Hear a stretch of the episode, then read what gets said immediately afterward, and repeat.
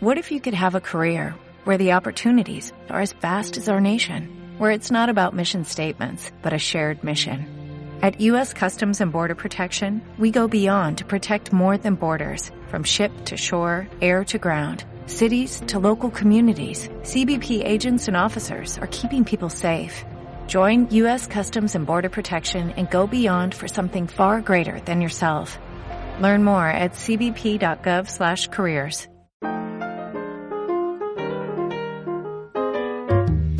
Never had nothing, no one to.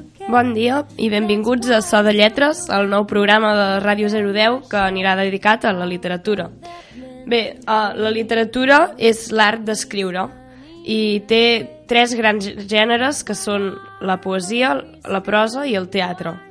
En aquest programa tindrem dues seccions principals que seran dedicades a la poesia i a la prosa i pel que fa al teatre anirem fent cosetes per no menysprear-lo, que també és un altre gran gènere literari.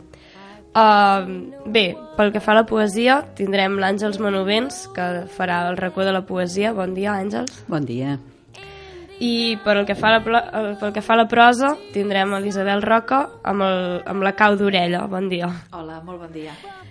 I bé, doncs això que dèiem, pel que fa al teatre, farem diverses o col·laboracions o entrevistes o fins i tot jo mateixa llegiré un fragment avui, per exemple, o coses per no menys tenir-lo i també llavors a part d'això farem col·labor alguna col·laboració que estan per acabar de lligar però hem parlat amb el Club de Lectura d'Olor o amb o amb l'escola també s'ha de parlar per, als, per si als nens també els interessa a llegir alguna cosa i uh, bé, doncs això.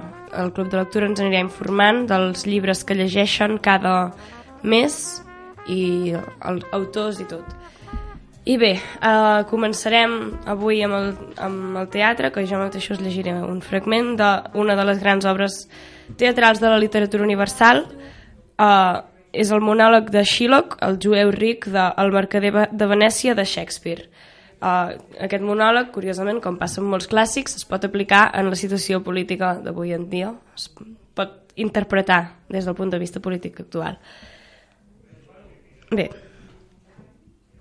M'ha deshonrat, m'ha fet perdre mig milió de ducats, s'ha rigut de les meves pèrdues, s'ha burlat dels meus guanys, ha menyspreat el meu poble, m'ha desbaratat els negocis, m'ha refredat els amics i m'ha inflamat els enemics. I per quina raó? Doncs perquè sóc jueu. No té ulls un jueu?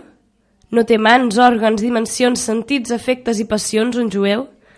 No es nodreix dels mateixos aliments, no el fereixen les mateixes armes, no està exposat a les mateixes malalties, no es cura amb els mateixos remeis, no es refreda i s'escalfa amb el mateix hivern i amb el mateix estiu que un cristià? Si ens punxeu, no sagnem? Si ens feu pessigolles, no riem? Si ens enverineu, no ens morim? I si ens tracteu injustament, no hem de venjar-nos? Si en la resta som iguals, també en això ens hem de semblar. Si un jueu ofèn a un cristià, quina és la seva caritat? La venjança. Si un cristià ofèn un jueu, quina serà la seva tolerància segons l'exemple cristià? Doncs serà la venjança. I bé, a continuació donem pas a l'Àngels Monovents i al seu racó de la poesia. Doncs molt bé, ja hi tornem. Eh, la dedico a tothom, però especialment a la Catalunya. Eh, precisament el poema se'n diu A la jove Catalunya.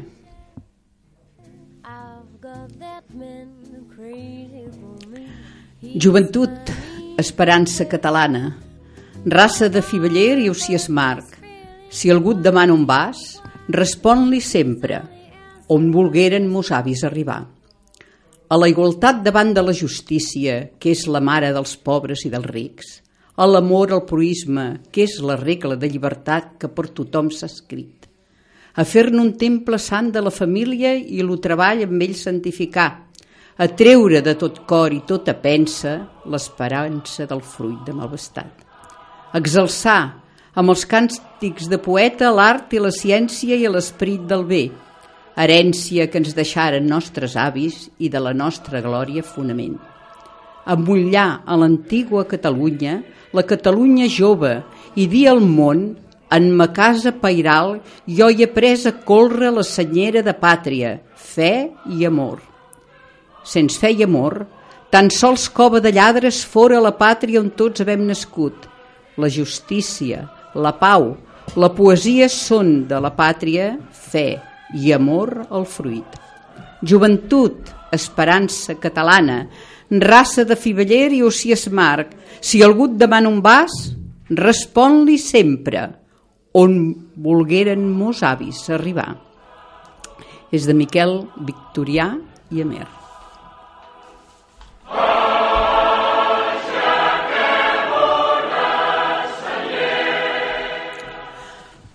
La senyera catalana.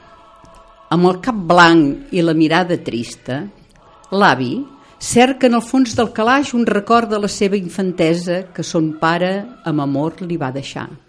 I a l'estenguer un drap groc amb gran misteri que té quatre barres marcades de sang. Diu, és la senyera de Catalunya per la que lluitaren tots els catalans. Mira, li diu en paraula tendra, jo ja sóc vell i res bo hi puc fer. Tu, guarda-la amb fe i defensa-la. Ella és l'emblema dels homes de bé. Si Catalunya és insuperable i terra productiva de gran honor, a la nostra senyera i a la parla la defensarem amb tot l'amor. Pots tindre molt a perdre la vida.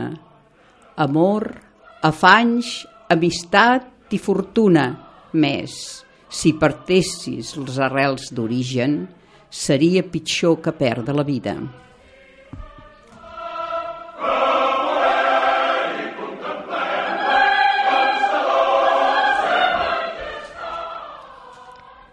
Bé, doncs moltes gràcies, Àngels, per aquestes poesies dedicades a la nostra Ja Catalunya. hem vist que Catalunya, que sí, lliure. Sí.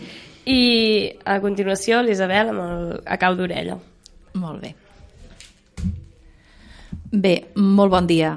Per avui us porto la lectura d'un article de la revista Descobrir Catalunya. És un article de l'Elisenda Roca i es diu Un estiu a pagès. A prop d'Ullestret, un mas envoltat de camps de cereal va acollir un mes d'agost la família nòmada de l'Elisenda Roca, que no oblidarà mai més la truja amenaçadora ni la palla traïdora. Tot una experiència vital en l'univers rural més autèntic. L'estiu. Temps per trencar amb els horaris encarcarats de l'escola. Temps per mandrejar al llit sense haver d'escoltar l'impertinent alarma del despertador. Temps per descobrir nous paisatges i nova gent. Temps de jocs i de gatzara. Temps de trobada familiar i d'amics. L'estiu és regalar-nos temps. Amb aquell esperit d'aventura i ànsia per recórrer el país, la família nòmada va anar a parar als afores d'Ullestret, al Baix Empordà. Eren els anys 70 i tres criatures menudes miraven embaladides un mas que els va semblar el paradís. A una banda hi havia una era coberta de blat, on enmig de les espigues pentinades per la brisa s'alçava una enorme i solitària figuera que oferia generosa figues de coll de dama. Aquells fruits saborosos bé valien les esgarrinxades que ens fèiem a les cames quan corríem pel camp de blat daurat. Un dels nostres llocs preferits per jugar el trobàvem seguint des del mas, un corriol que duia directament al poblat ibèric d'Ullestret. En aquells anys, a l'agost, no hi havia gaires visitants i per nosaltres era fabulós perdre'ns entre els rastres del passat i córrer pels seus carrers. En Josep i la Maria eren el matrimoni encantador que s'encarregava de les hores del petit museu i botiga del jaciment. Els tres germans, seguint les seves instruccions, no vam tocar mai ni una pedra, per petita que fos, ni vam buscar cap tresor amagat. Però al final de les vacances coneixíem cada racó de la que va ser una gran ciutat dels Íbers, fundada en el segle VI abans de Crist. Els pares van decidir que per a vestir-nos aniríem als bonics poblets que hi havia a prop i així, de pas, els coneixeríem. Recordo que els llonguets, el pa de pagès i la coca eren d'un forn de serra de Daró. Pobles ben diferents, bonics i singulars. M'agradava la contundència de noms com Bullpalac, Mata Juraica, Pere Tallada, la quantitat de topònims acabats en A, com Cursà, Llavià, Rupià, Parlavà, Ullà i, finalment, el sorprenent Ultramort. Els propietaris de la casa eren pagesos i ramaders. Per la canalleta de ciutat, veure munyir les vaques, acariciar els conillets o agafar ous del corral de les gallines era d'allò més emocionant. Una tarda ens van convidar a veure uns porquets acabats de néixer. Poc ens podíem imaginar l'esglai que van patir en intentar sortir d'aquell tancat. Acabant la visita, una truja immensa es va aixecar sobre les potes del darrere i, amenaçadora, va començar a cridar amb uns güells que ens van espantar de tal manera que els nostres crits van acabar barrejats amb els seus en una mena de coral histèrica. És clar que després ens vam fer un tip de riure, fruit de l'excitació i els nervis. Per cert, jugar a un paller no és tan idíl·lic com pot semblar. La palla no és gens suau, pica molt i és traïdora. La mare va perdre allà l'anell de casada. Mai no el vam trobar.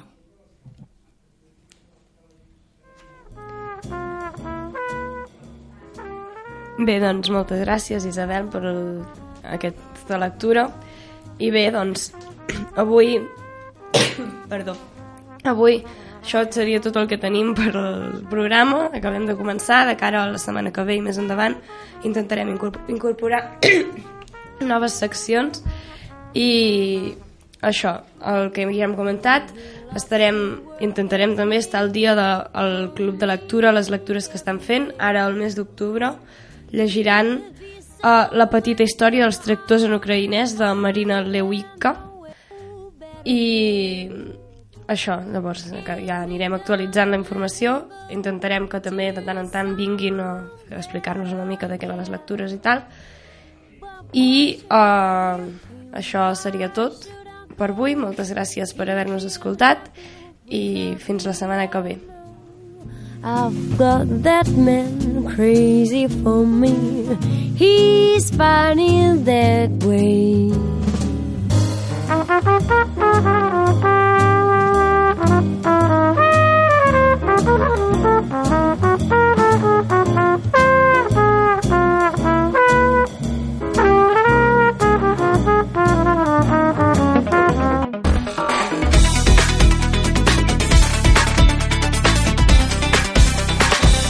010. Ona Moianès.